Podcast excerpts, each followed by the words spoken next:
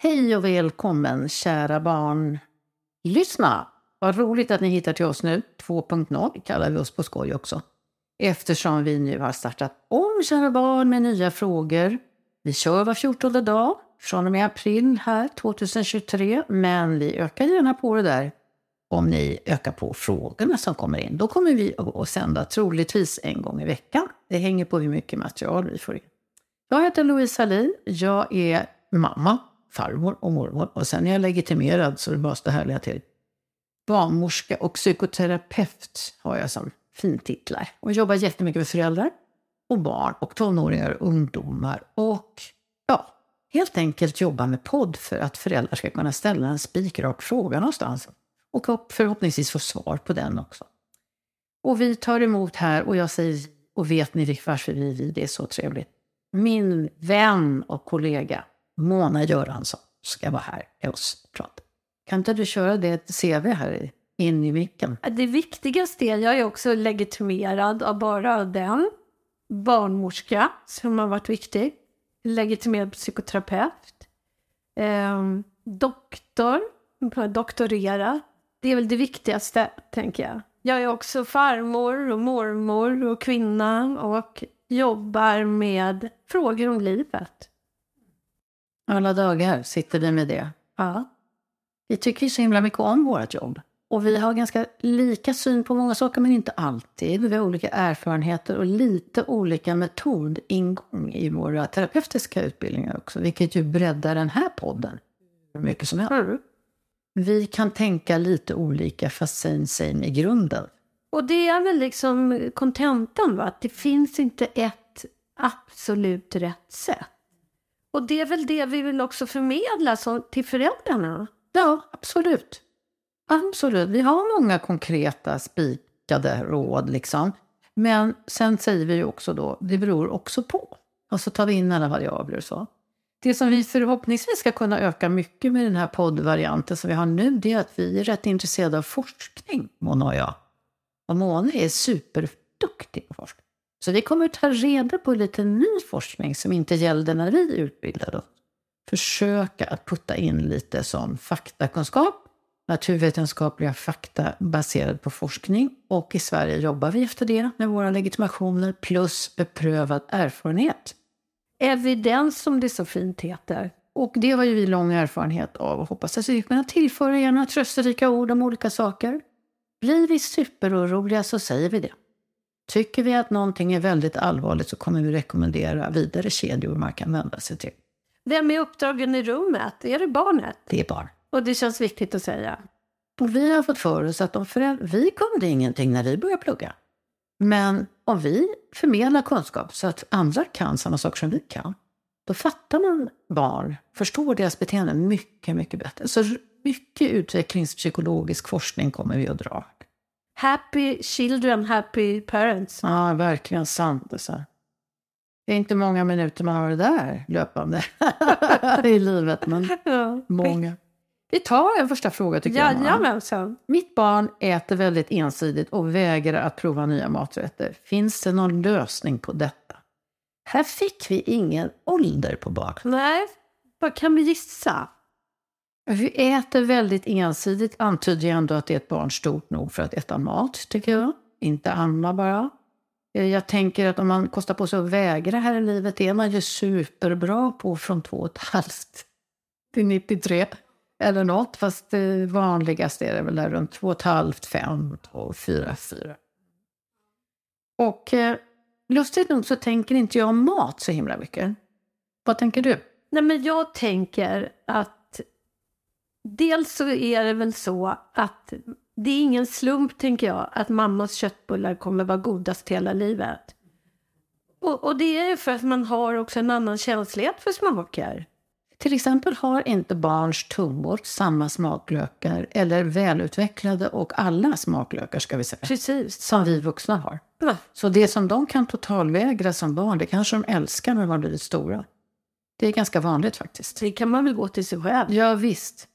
Jag kommer ihåg att gurka, hellre dog jag än tog gurka. Ja. Älskar Ja.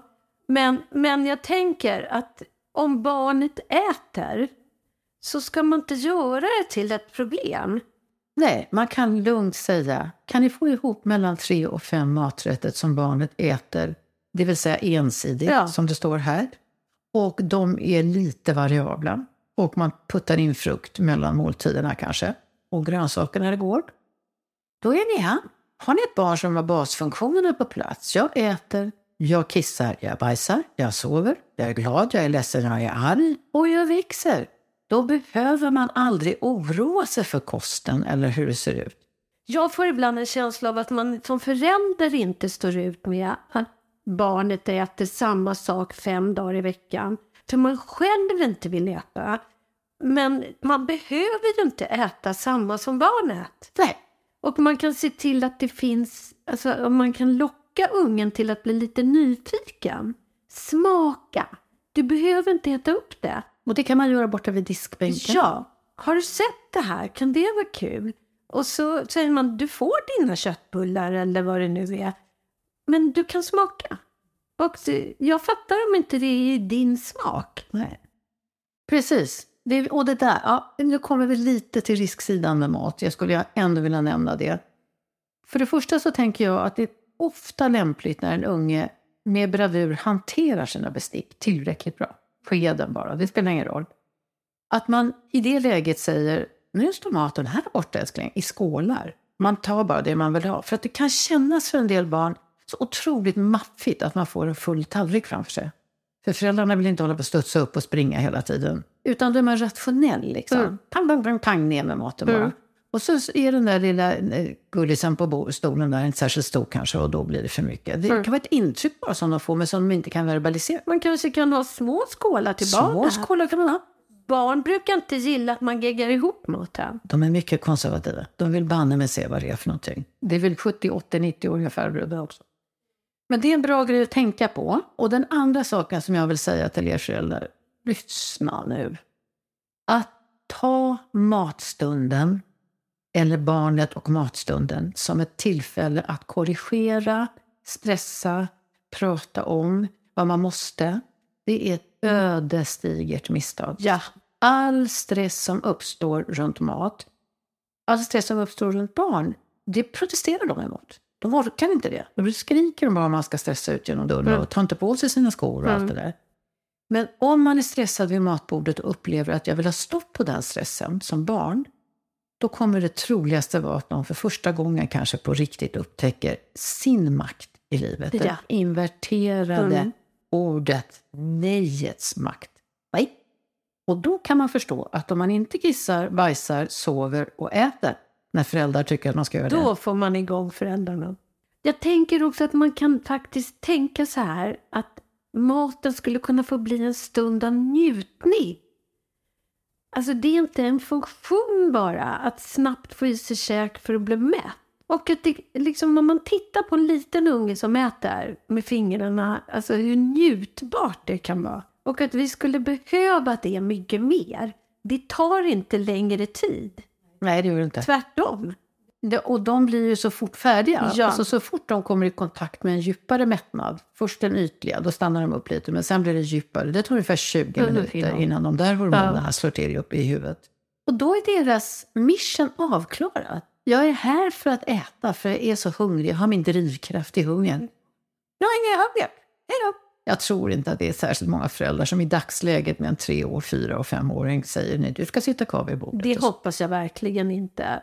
För det gör ju också att föräldrarna missar de här tio minuterna när de faktiskt kan sitta kvar Precis, själva. och få några minuter där de kan prata med varandra. Och har en nöjd unge någon annanstans. Precis. ja, jag tror vi är klara va? Ja, jag tror det. Ja. Då tar vi så här. Min dotter, hon är två år och hon är svartsjuk på min nya pojkvän. Hur ska jag hantera det? Vad får vi? Jag får genast en tanke om att den här mamman, eller jag tänker så här mamman, nu säger jag till dig. Jag tänker att du har haft för bråttom. ja. Att den här killen som du är tokig in, inte kom in så långsamt, utan kom in för barnet lite för fort. Jag har faktiskt ofta givit ett råd om den absoluta motsatsen. Mammor som har barn, allt mellan två och liksom 10-14 år, så har hon berättat till slut, när hon själv känner sig helt säker på att den här mannen vill jag utvecklas en relation med och behålla honom. Då har hon presenterat för barnen, som redan, som redan vet, vill jag tillägga, Såklart. att mamma är kär. Ja. Herregud, ni vet vad man ser på en halvmiddag att en människa Ja, och mamma blir ju annorlunda. Ja, så himla gullig nu. Helt, helt plötsligt glad kan man säga. Glad. Hon måste, gå, måste gå bort hela tiden ja. och ha barnvakt hela mm. tiden. Mm. Och sånt märker barn direkt. Så om, man, om, man kan, om man får minsta fråga från något av barnen så ska man säga direkt, ja men vad bra att du säger till mig, nu ska jag berätta för er barn. Och jag, och jag är så glad. Mm, och det är så härligt. Och det finns en person i mitt liv nu som gör mig glad. Ja, och det här är så mysigt. Mm. Inte det bästa som har hänt i livet, för det måste barnen få behålla tanken om att det är pappa som var det bästa. Men men, eh, men att du är glad, att du är lycklig, känner dig lycklig och glad och att du tror att det är bra för alla som träffar dig just nu. Och eh, sen lägger du ner snacket. Ja, men vad heter han då? Var det första som hände med den här mamman som jag gav råd. Ah, vi kan prata om honom lite senare. Hon såg till att de till slut var så arga för att de inte fick träffa den här killen. Till slut sa hon så här, ja men, ja, men okej, vi kan träffas i parken och ta en glass där, men sen, sen går vi hem.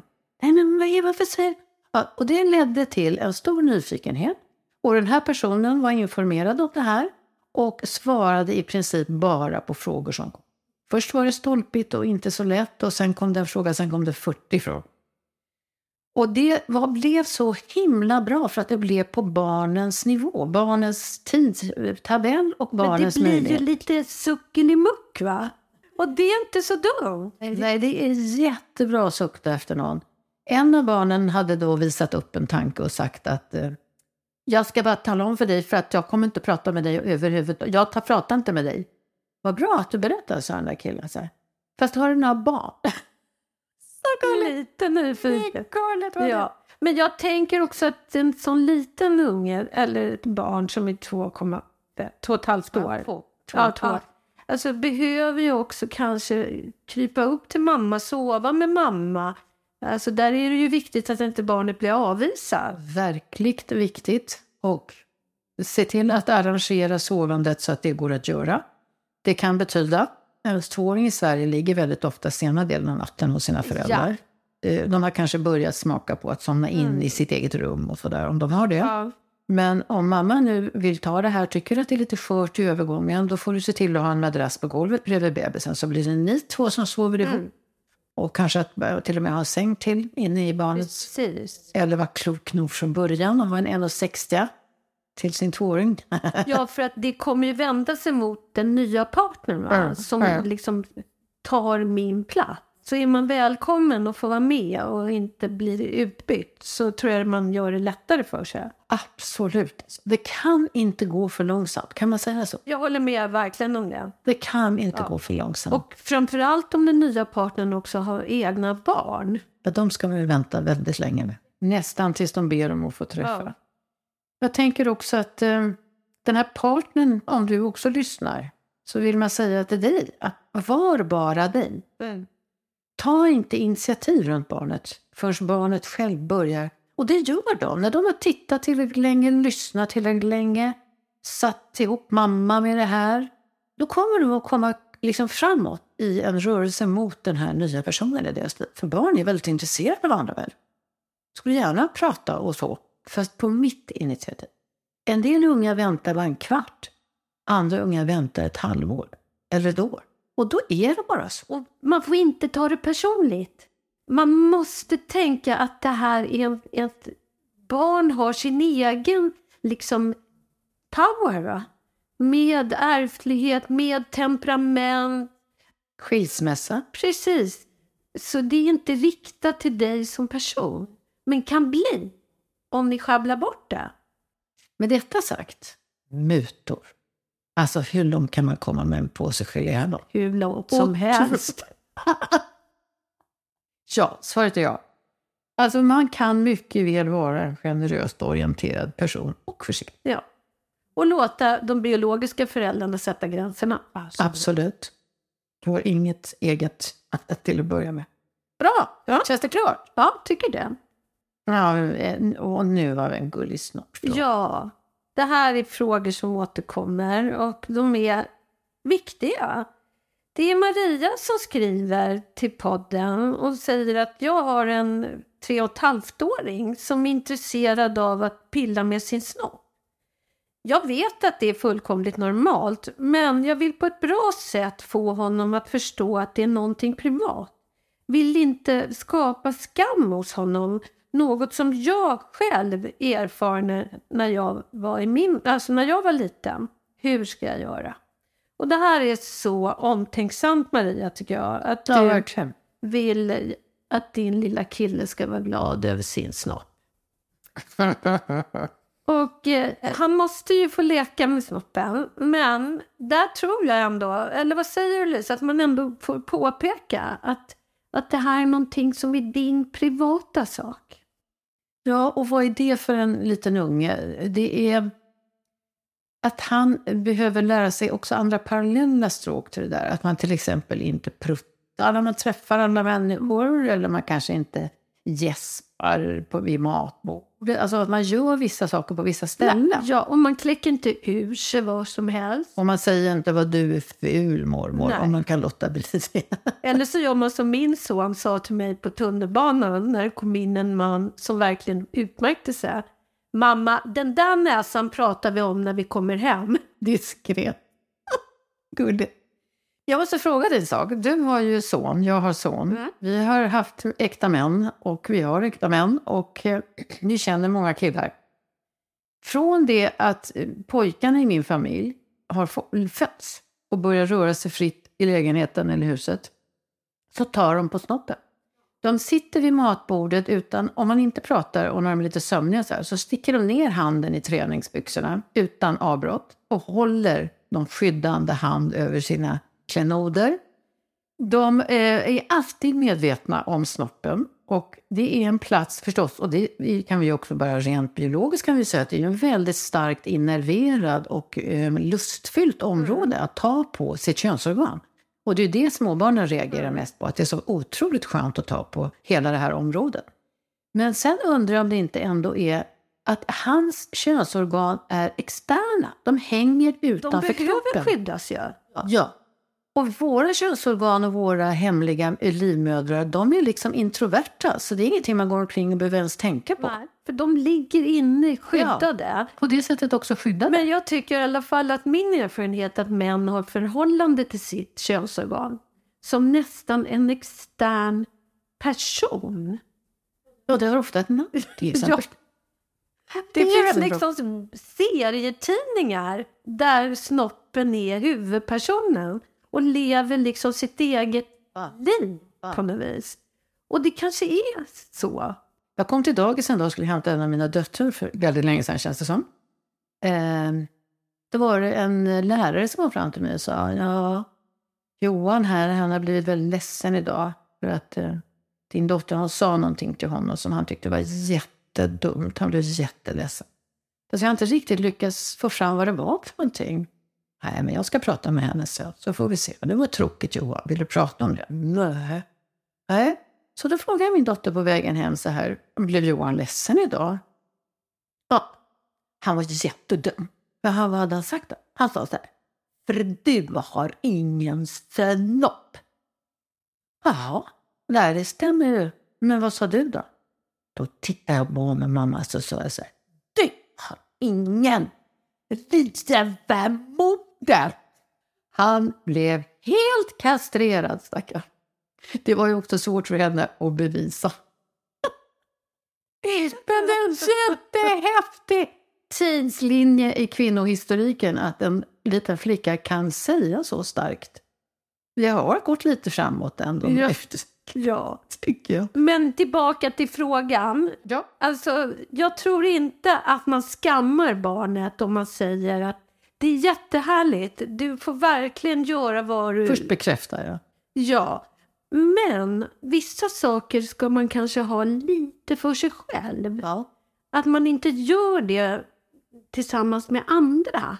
Det betyder inte att man inte får göra det. Men man kanske ska göra det på sitt rum eller när man är i badrummet eller så. Han ligger i sängen. Ja, så bejaka men korrigera. Precis. Det är en jättebra grej. Och Sen när man har pratat om det så öppet så kan man också kanske säga bara från håll, liksom, men du, kan inte den där handen hålla i gaffeln nu lite? Det blir bra så du ska äta nu, men det är omedvetet. Ja. Det är jätteviktigt att komma ihåg att inte skambelägga. Det är fruktansvärt viktigt. Och det som mamman gör tycker jag som är så häftigt, är att hon kommer ihåg något från sin egen barndom. Och det var inte bra minnen Nej. för henne. Men jag tänker också att den, förhoppningsvis har den här lilla killen en manlig förebild som faktiskt kan prata med honom och att jag också gör det här och tycker att det är härligt och det här gör jag ibland när jag är själv eller vad man nu... Så att det, och kanske att vi kvinnor skulle vara bättre på att prata med våra döttrar om hur vi gör. Varför är det ett sånt skönt område? Ja. Och bejaka det. Precis. Och det, det kommer att bli ännu skönare Ja. så småningom. Ja, Ja. jättefint. Mm. Vad mycket svar du fick för en liten fråga. Och lite anekdoter. Ja. Nu kommer en fråga som jag tycker är urkul. Hur får man en femåring att sluta svära och säga fula ord? Alla femåringar svär lite. Det som också är kul ju, det är att man får en reaktion. Eller hur? Om man inte får uppmärksamhet eller om man känner att man behöver lite extra. De plockar ju upp det från vuxenvärlden. Ja. De hör ju överallt, både på gatan, folk som svär till varandra och ungdomar som kastar ur sig balla saker. Jag hörde på ett av mina barnbarn häromdagen som sa, han körde bil och var på utomordentligt gott humör, men ändå sa han så här, ah, god damn it. Vad nu hade fått det ifrån. Men då hör jag hur de plockar. De plockar ju allting. Hela språkinlärningen är ju bara härmning. Ja, beteendet är härmning. Ja, så jag tänker att man skulle kunna gå åt andra hållet. Alltså förbud är ju det tråkigaste som finns. Och i ärlighetens namn, alla ni som lyssnar, hur många av er kan säga tänk att jag svär aldrig? Kan den vara snäll och skriva in till oss? Det kan inte vara många. Jag tänker så här, och jag gjorde faktiskt det av en händelse bara häromdagen med mina barnbarn som är fyra år. Att jag frågade dem lite om när de sa god damn it. Vad, vad tänker ni då? Vad är det? Det är svärord, skrek de. Ja, det är det faktiskt. Får man säga dem? Nej. Ja, dagis har samma på. policy. Ja, alla mormor, alla säger att man inte får det. Men då tog jag och tog fram fem utländska svordomar på fem olika språk. Och så övade vi dem där med alla gester som och då, då höjer man handen och Berkel är långdraget. Och, alltså de hade så kul. De tyckte det var jätteroligt och då fick de välja varsin favorit. Och den ena valde Italien, Vaffanculo, och den andra valde franska mät. Och då hade de kommit på att då vet inte fröknarna att man svär på förskolan. Det tyckte de var det bästa av alltihopa. Jag tror på sånt där. Paradoxer kallas Ja. det för. Man gör precis tvärtom. Och som vi skrattade denna eftermiddag, alltså vi hade så jättekul så vi var tvungna att berätta för mamman, men hon såg måttligt road ut Men det ni gör det är ju att ni slår hål på magin. För det är ju så att unga fattar ju direkt när man får den totala uppmärksamheten av vuxenvärlden. Och det spelar ingen roll om den är negativ. Nej, inte riktigt faktiskt. Det är effekten som Ja. är så här fantastiskt tycker jag. Så det var väl en jätterolig grej. Ja, jag, jag tycker det är en bra grej att göra en, en paradox. Och sen kanske man kan göra det på andra sätt. Men jag tror absolut inte på förbud. För att vuxenvärlden är nästan aldrig fri från svordomar. Nej. Eller kraftuttryck. Jag tyckte också att det var viktigt att prata med barnen om att det här är ett uttryck för att man har blivit arg Precis. inuti. Vad använder man det till? Man säger någonting. Och så försökte vi också titta då åt den andra hållet och Ja. ta upp dem absolut. För 17 gubbar tyckte de var väldigt och det är också ett kraftuttryck. Mm. Ja, stoppa där. Vilken ålder tycker ni är lämpligt att påbörja växelvis boende vid skilsmässa står det. Och det är ju, då är det ju ofta en väldigt akut situation i skilsmässa. Även om de är långdragna och så, så har de ju startat vid något tillfälle. Alla är väldigt ledsna och upprörda och det är förfärligt. Att ett förfärligt uppbrott för alla människor att skilja sig. Det finns ingen enkelhet i det. Men om man ska ha en idé om det, vad tänker du Mona? Nej, men jag tänker växelvis boende har man ju... Alltså, det kan man ju inte börja med kanske ett spädbarn. Men ett barn som är självförsörjande med, med mat och dryck och så, då, då är det väl nästan svårt att inte ha ett växelvis boende. Nej, alltså barnet ska ju, om det är två välfungerande föräldrar så ska det ju vara ett växlande evigt alltid. Ja. Så länge barnet är ett hemmaboende barn. Och det vet vi faktiskt i forskning. Att barn som har möjlighet att ha god relation och bo hos båda föräldrarna, där föräldrarna kan bete sig, de mår bra. Det visar ju forskningen. De gifter sig lika mycket som alla andra människor. De studerar lika mycket Ja. som alla andra människor. De knarkar inte Nej. mer för att de är skilsmässobarn. Inte heller super de mer. Nej. De skaffar barn allihopa nästan. Så det är i grundvalarna har föräldrarnas goda intentioner när de får plats och utrymme. Ja. En jättebra effekt på barnen. Däremot kan vi väl prata om växelvis boende på hur lång tid? Alltså ska det vara varannan vecka, ska det vara varannan dag? Och det får man ju knyta till ålder. Ja. Om vi skulle uttala lite om vår, våran praxis i verkligheten, vad skulle du tycka att du ville förmedla är en bra situation? Vi utgår lite här från att barnen inte är så himla stora, att de är under tio år i alla fall. Ja, men jag tänker ett litet barn, ett till fyra, fem sådär. De klarar ju inte kanske en hel vecka. Ja, absolut inte, Nej. det är inte kanske Nej. på det. Det klarar Nej. inte de. Och det klarar faktiskt inte föräldrarna heller. det är ju tortyr. Sju, sju är bara en organisation för vuxna och deras jobbiga liv. Det är inte för barn. Det är inte för barn. Och svenska människor de anstränger sig så himla mycket. Jag blir lite rörd över det ibland. Jag tycker det är så fantastiskt att ni ordnar bostäder i samma område och ni försöker och försöker på alla möjliga sätt få till det. Gå på alla föräldrasamtal tillsammans och försöka, försöka, försöka. Och det hedrar er som gör den ansträngningen. För för barnet är det en ovärderlig upplevelse när föräldrarna drar jämt. Alltså det går inte... Pappa han är 100 procent för mig och mamma är 100 procent för mig. Men sitter man vid samma kaffebord så är det tusen procent som inte Och finns. det är, barn är ju medvetna om att de är en produkt av båda föräldrarna. Rent genetiskt, alltså det vet ungarna. Och de far illa om de måste förneka halva sig själv. Det orkar ingen Nej men det göra. går inte. Nej. Och man vet också att vid skilsmässor, och det ligger också i ordet, vi ska skiljas åt.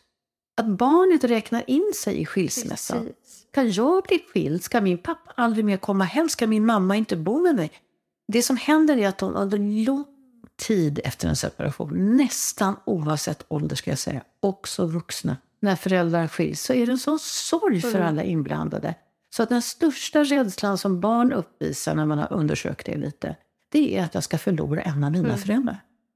Och då skulle jag också krångla, om jag Och men det. också, barn får ju fantasier om att de också tvingas att välja. De tror det. Och det får ju inte förekomma. Va? Hur dålig jag än tycker att min partner är så får jag på något vis stå för mitt val. Och nu pratar vi om normalfungerande människor. Med normal, vad menar vi med normal? Normal menar vi de flesta göro och äro. Det betyder att den stora massan håller sig till grunden i normala beteenden. Så. Och vid fruktansvärda konflikter och katastrofala beteenden mot, mot både partners och barn så är det inte möjligt att det blir på ett bra sätt. Det blir aldrig bra där. Det, det kan inte bli bra, men där ska ju barnet skyddas. Ja, och nu har ju äntligen statsmakterna låtit ge sken av att de har börjat reagera och ska skaffa starkare barnlagar.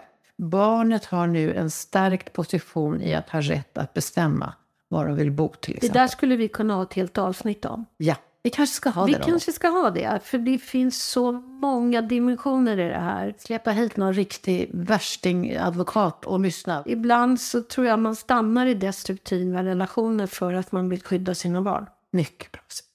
Nu kliver vi upp lite på överkurs. Ja. Men viktig kurs. Ja. Så det kommer kanske ett sånt avsnitt. Och vanligast är att kvinnor Mm. gör sånt. Men om vi ska återgå till frågan. Ja, just det. Och vi, vad säger vi då? Då säger vi olika för olika åldrar. När det är små, små barn. Jag har en distinkt åsikt om när man kan börja bo över och sova över. Det kan man börja med i ungefär i tvåårsåldern om man skiljer sig direkt i en relation.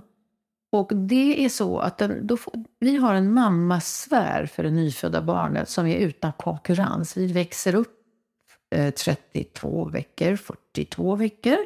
42 veckor är himla lång tid om ni tänker efter.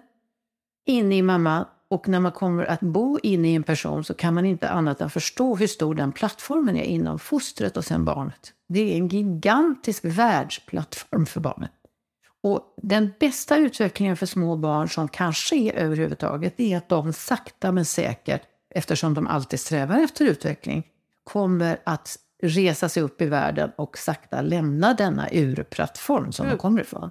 Papper har inte lägre viktighetsgrad, men de har en helt annan viktighetsgrad än mamma. Lite senare kanske? Vid två års ålder just. Pappans närvaro, i min värld tänker jag så här, Pappans närvaro i tidig ålder gör att barnet sen har förtroende att ta pappas hand och lämna sin plattform. Därför måste han vara närvarande. Han blir möjliggöraren på en nivå. Och vet du vad, jag har nästan aldrig träffat en enda pappa som inte förstår sambandet barn-mamma. Nej, de fattar det. Jag har aldrig sett någon som försöker konkurrera om det där som är normalfungerande. Aldrig.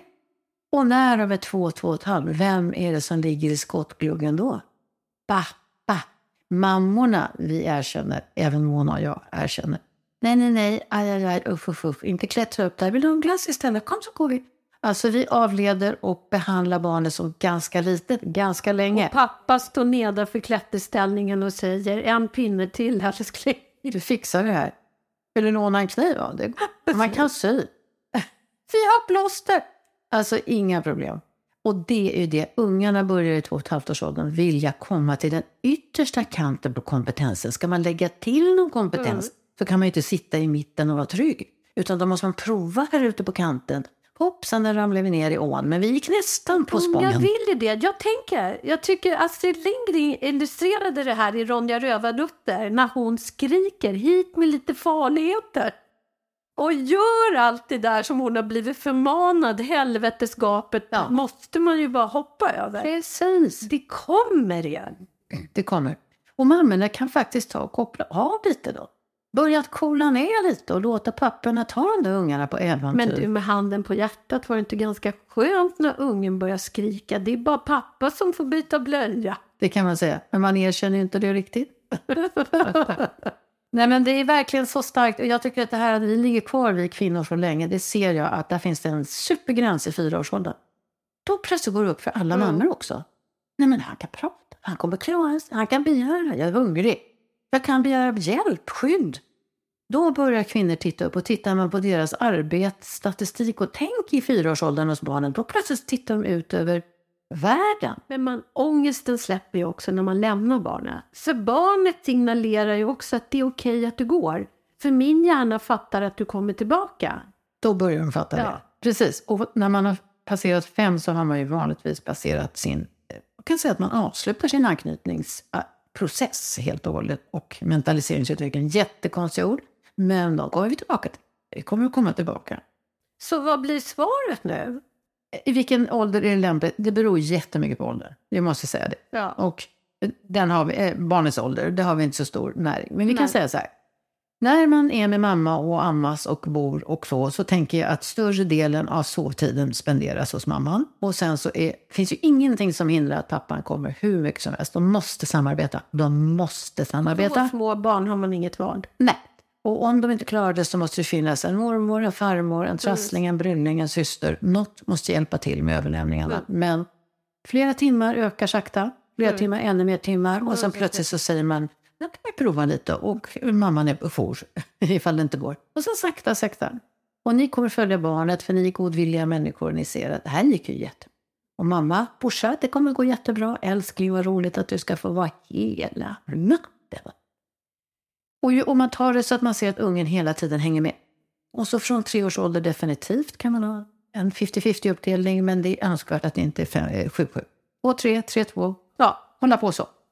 Och min erfarenhet är att de flesta föräldrar känner det också. Ja. Sen kommer det en punkt när, när det blir för jobbigt för barnet också. När man börjar skolan kanske, att man vill ha eh, några dagar hos mamma längre än några dagar hos pappa. Så fort de kan börja resonera, Ja. och um, nu pratar vi om de goda och välvilliga föräldrarna. Ja. Här någonstans måste skilsmässan ha börjat lagt sig Mm. så att man kan kommunicera. Och det, det som kan hända då det är att barnen själva säger fast pappa jag skulle bygga klart en grej, kan inte jag stanna mamma? Att ni har den bonen mellan er. Att man kan sova över och att man kan... Och en- jag tycker det är en väldigt fin organisation som jag har sett många gånger fungera. Det är därför jag tycker den är fin. Det är att när barn kommer upp lite grann, fem, femårsåldern, sexårsåldern, att mitt i den här fina veckan, om nu föräldrarna måste ha en 7-7 uppdelning på grund av jobb och sånt där, frånvaro, kanske Så resor. har man en mammamiddag eller en Ja, pappamiddag. mitt i så på onsdagen så kommer mamma istället. Vet du, det är min erfarenhet också. Ja. Och det är också så skönt för föräldrarna. Då kommer jag och hämtar dig Ja. och vi käkar middag och du sover över hos mig och jag Ja. lämnar dig tillbaka till skolan Precis. nästa dag. Och för vuxna är det en bra grej också. Och för jag tänker, när man börjar med det här, det är inte, vi menar inte att det är farligt för barnet att längta. Nej, Det, men det är den här liksom på något vis sunda längtan. När man är tröstbar, man är avledningsbar.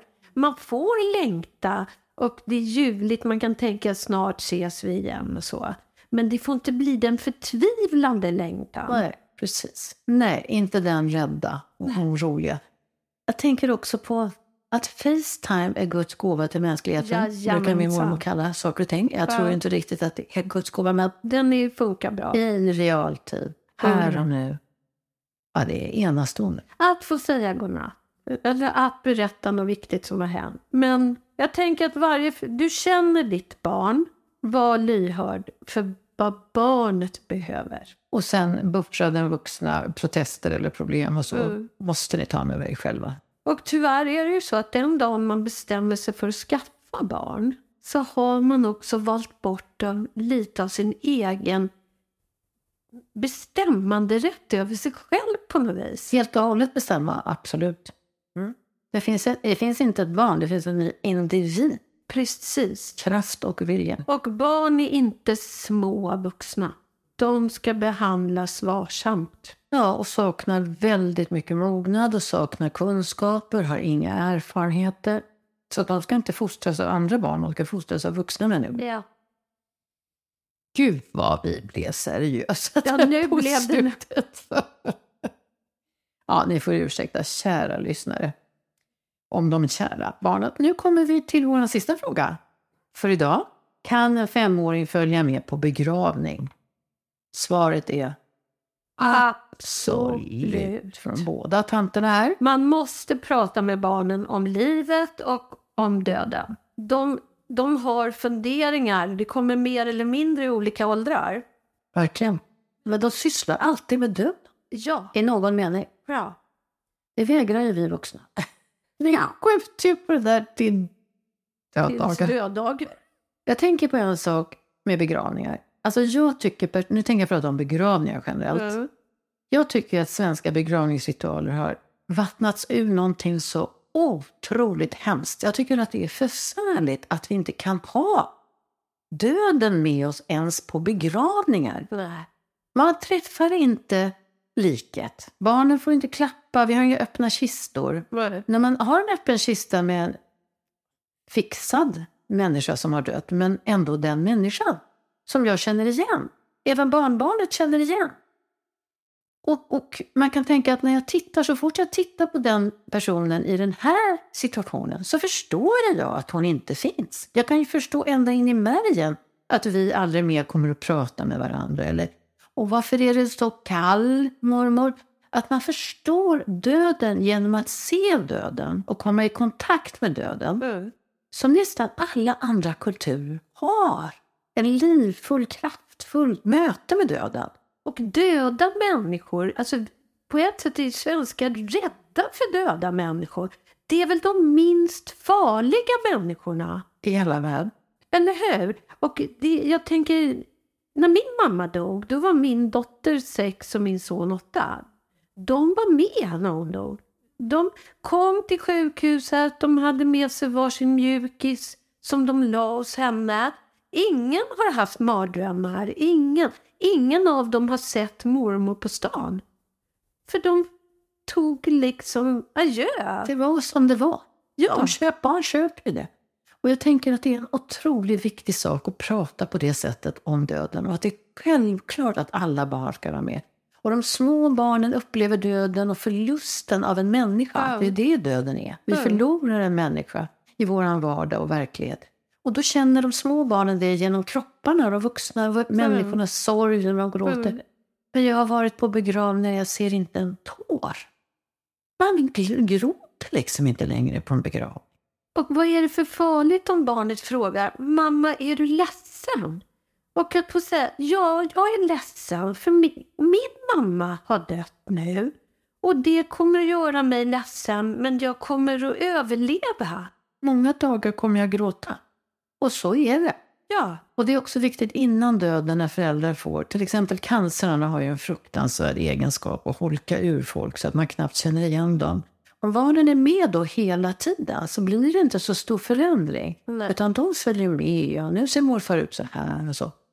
Och att de alltid ska vara med på sjukhuset och hämta och lämna och såna här saker. Så att de själva känner att de också har en process med den här personen. förstår. Ja, Sen tycker jag, jag var på begravning för inte så länge sedan, en gammal, gammal moster. Så det var inte någon jättesorglig begravning så. Men då hade min kusin med sig sin ettåriga dotter. Och den här ljuvliga lilla stämman som hördes då och då var faktiskt liksom väldigt så här, den ena går och den andra kommer. och alla mår bra av att höra det där Det lilla var ljudet. fantastiskt. Det gjorde den här begravningen till ännu mycket mer. Bra så. Jättefint. Ja, vem skulle inte få komma med på en begravning? Jag vet inte. Varför förstår inte vi det här? Jag jag? vet inte. Och jag vet inte. Jag tror att i grunden finns det någon omtanke om barnet. Att man är rädd att barnet ska bli, få mardrömmar eller att det ska bli farligt för barnet. Men allting som är hemligt, som inte pratas om, att ha en flodhäst i vardagsrummet och låtsas som om det inte finns något där, det skrämmer. Läskigt. Jag har fått dem. Nu eh, vet jag inte om vi till och med gick så långt att vi moraliserar och vill förändra den svenska begravningsstrategin. Ja, men då står vi väl för det. då står vi för det. Ja, vi saknar verkligen inlevelsen. Ritualer är bra och jag tror att begravning är väldigt bra. Det är liksom, man får sätta sig ner, man får tänka på den som är död och man får ta ett avslut. Och sen får man skratta på begravningar. För det som brukar hända är att alla människor som känt liket, de vill berätta historier om den här lilla tossiga Ja. människan, eller roliga Och människan. det eller- sker ju ofta tycker jag på kaffet efteråt. Eller hur? Efteråt är man lättad över Ja. processen och så har man gått igenom Ja. den och sen så kan man börja prata. För ibland så hör jag att barnen tror att man inte får, man får inte skratta. Min mormor har bara älskat om du Ja. skrattar. Det finns ju andra länders ritualer som är just detta att man träffas och sen dricker man öl på puben i England till Mm. exempel och sen pratar man om inget annat än Mm. denna roliga människa. och jag tänker, den dagen så hoppas jag att man ska komma ihåg det roliga och att folk ska liksom känna glädje när de pratar om mig. Det skulle vara så sorgligt. Det är också intressant att människan, vi har ett enda inbokat event efter födelsen och det är att vi ska dö. Och det finns ingen som kommer undan och alla gör det. Och ändå är det så, så oerhörd sak Mm. för oss. Och jag tycker det är intressant och det, måste, det kanske finns en förklaring i förträngningslängtan. Alltså, att pratar man med en 21-åring så de är odödliga. De har ingen plan på det överhuvudtaget. Och det kan man väl få vara. Men, men att vara medveten om döden är ju... Jag tänker att många barn har en hamster som också dör. Det ska man också göra en ritual, tycker jag. Bädda ner i en liten kartong, begrava. Alltså, vi sjöng, tror jag. Alltså, vi hade begravning. och du tänkte en penn Precis. Fy, så älskar vi. Nej, nej, nej. Alltså, han kan komma med Absolut. direkt. Femåringen. Ja, kära lyssnare. Det var dagens skörd kan man säga på det här programmet som är vårt tredje program. Välkomna tillbaka till nästa program. Skicka in frågor till oss så svarar vi. Vi svarar alla som undrar något om familj, om barn. Ni har alla varit barn. Ni kanske inte har barn. Ni kanske ska skaffa barn. Ni kanske har massor med barn. Alla som vill ställa en fråga till oss kommer att få svar utifrån våra utbildningar och kunskap och jättelånga erfarenhet i arbetet med familjer och barn. Ha det så gott. Hej då!